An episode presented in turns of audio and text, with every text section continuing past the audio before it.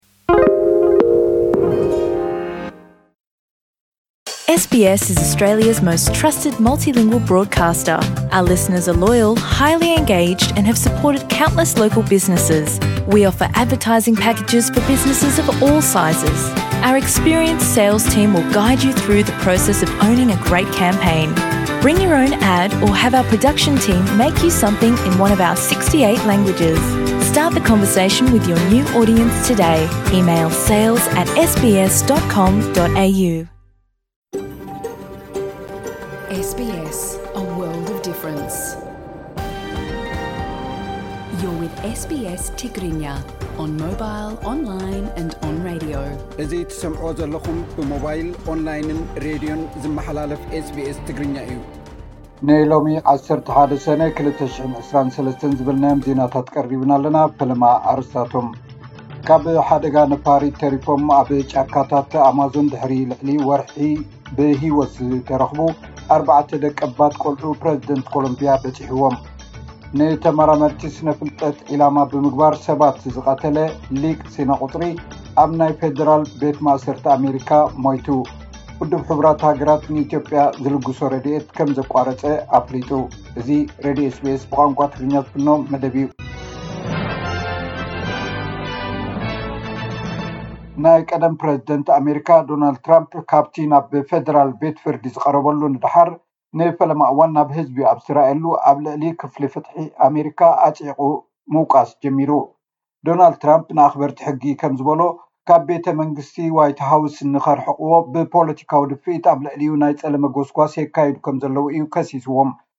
ፕረዚደንት ጆ ባይደን ነቲ ቀንዲ ፖለቲካዊ መቐናቕንቱ ኣብ ፕረዚደንታዊ ጎስጓስ ምእንቲ ክዳኸመሉ ነቲ ዝቐረበሉ ክስታት ከም ዘበገስዎ ትራምፕ ይኸስስ።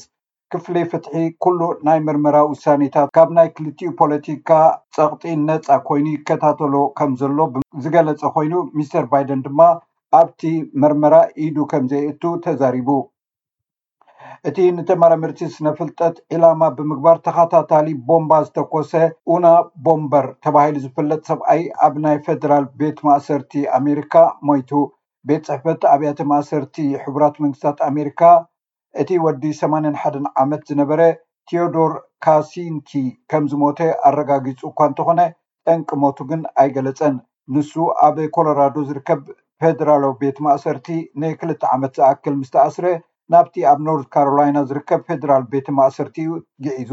ካርዚንኪ ኣብ ሽሕን ትሽዓተ ሚእትን ተስዓን ሽዱሽተን ኣብ ሞንታና ኣብ ዝርከብ በረኻ ኣብ ትሕቲ ቀይዲ ድሕሪ ምእታዉ፣ ምሕረት ዘይወሃቦን ሕልፈት'ዩ ተኣሲሩ ነይሩ።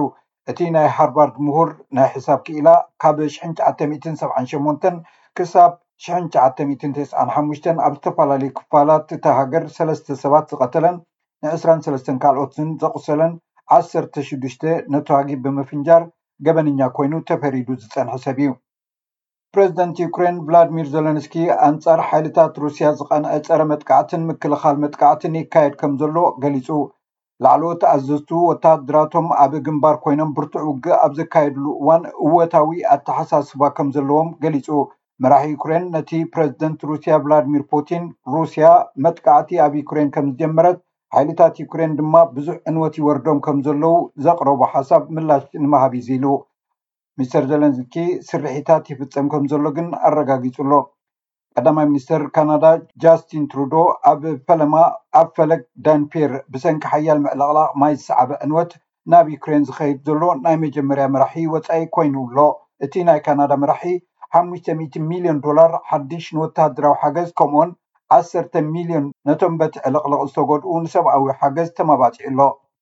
ናይ ኮሎምቢያ ፕረዚደንት ጉስታቭ ፔትሮ ነቶም ካብ ሓደጋ ነፋሪት ተሪፎም ኣብ ጫካታት ኣማዞን ብህይወት ተሪፎም ጠፊኦም ዝወርሑ ኣርባዕተ ደቀባት በጺሑ ድሕሪ እቲ ምብጻሕ ሚኒስተር ምክልኻል ኢቫን ቨላንስኪ እቶም ቆልዑ ኣብ መስርሕ ምሕዋይ ከም ዘለዉ ገና ክበልዑ ከም ዘይክእሉን ገሊጹ ኣሎ እቶም ኣሕዋት ወተሃደራት ኮሎምብያን ደቀባት ወለንተኛታትን ድሕሪ እቲ ሓደጋ ነፋሪት ልዕሊ ሓደ ወርሒ ምስ ሓለፈ እዮም ረኺቦሞም። ኣብታ ነፋሪት ዝነበሩ እቶም ሰለስተ ዓበይቲ ሰባት ግን በቲ ሓደጋ ነፋሪት ተቐቲሎም እዮም።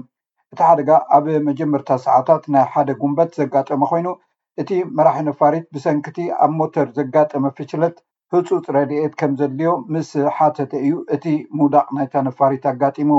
ኣብ ወተሃደራዊ ሆስፒታል ጀነራል ካርሎስ ሪንኮን ኢራንጎ ምክትል ሜዲካል ዳይሬክተር ብዛዕባ ኩነታት እቶም ቆልዑ ዝምልከት እዋናዊ ሓበሬታታት ሂቦም። ውድብ ሕቡራት ሃገራት ንኢትዮጵያ ዝልግሶ ረድኤት ከም ዘቃርጾ ኣፍሊጡ። ኣብ ውድብ ሕቡራት ሃገራት ፕሮግራም መግቢ ዓለም ኣብ ኢትዮጵያ ብዝሒ ዘለዎ ረድኤት ኣብ ዘይመዓልኡ ይውዕል ኣሎ ብምባል ነታ ሃገር ዝልግሶ ዝነበረ ረድኤት ካብ ዓርቢ ትሽዓተ ሰነ ክልተ ሽሕን ዕስራን ሰለስተን ጀሚሩ ከም ዘቋረጾ ኣፍሊጡ። ዩኤስኤይድ ሓደ መዓልቲ ኣቐዲሙ ንዝጠመዩ ሰባት ዝለኣኽ ረድኤት ተሰሪቑ ኣብ ዕዳጋ ውዒሉ እዩ ብዝብል ምኽንያት ተመሳሳሊ ስጉምቲ ከምዝወሰደ ይፍለጥ። እቲ ረድኤት ኣብ ዘይመዓልኡ ምውዓሉ ፍጹም ቅቡል ኣይኮነን ክትብል ዋና ጸሓፊት ስራሕ ፕሮግራም መግቢ ዓለም ሲንዲ ማኬን ኣብ ዝሃበቶ መግለጺ ተዛሪባ እያ። ፕሮግራም ምግቢ ዓለም ብሰንኪ እዞም ፀገማት ንዝተሃስዩ ሸውዓተ ሚልዮን ኢትዮጵያውያን ረድኤት ዘቕረበ ክኸውን ከሎ መንግስቲ ኣሜሪካ ድማ ኣብ ዝሓለፈ ዓመት ጥራይ ረድኤት ንዘድልዮም ኢትዮጵያውያን ሓደ ነጥቢ ሸሞንተ ቢልዮን ዶላር ዝግመት ረድኤት ብምልጋስ ቀዳማይቲ ከምዝኾነት ፀብፃባት ይሕብሩ። ባር ዜና ቅድሚ ምዝዛምና ናይ ሎሚ ኩነታት ኣየር ቀንዲ ከተማታት ኣውስትራልያ ክሕብረኩም። ኣብ ፐርዝ ክዘንብ እዩ ዓሰርተ ሸውዓተ ዲግሪ ሴንቲግሬድ፣ ኣብ ኣደላይድ ብኸፊል ደበና ዓሰርተ ሸሞንተ፣ ኣብ መልበርን ብኸፊል ደበና ዓሰርተ ሽዱሽተ ዲግሪ ሴንቲግሬድ፣ ኣብ ሆባርት ብኸፊል ደበና ዓሰርተ ሸውዓተ ዲግሪ ሴንቲግሬድ፣ ኣብ ካንቤራ ዓሰርተ ኣርባዕተ ዲግሪ ሴንቲግሬድ፣ ኣብ ሲድኒ ጸሓይ ክውዕል ዓሰርተ ሸሞንተ ዲግሪ ሴንቲግሬድ፣ ኣብ ብሪስበን እውን ጸሓይ ክውዕል ዝለዓለ ዕስራን ኣርባዕተን ዲግሪ ሴንቲግሬድ፣ ኣብ ዳርዊን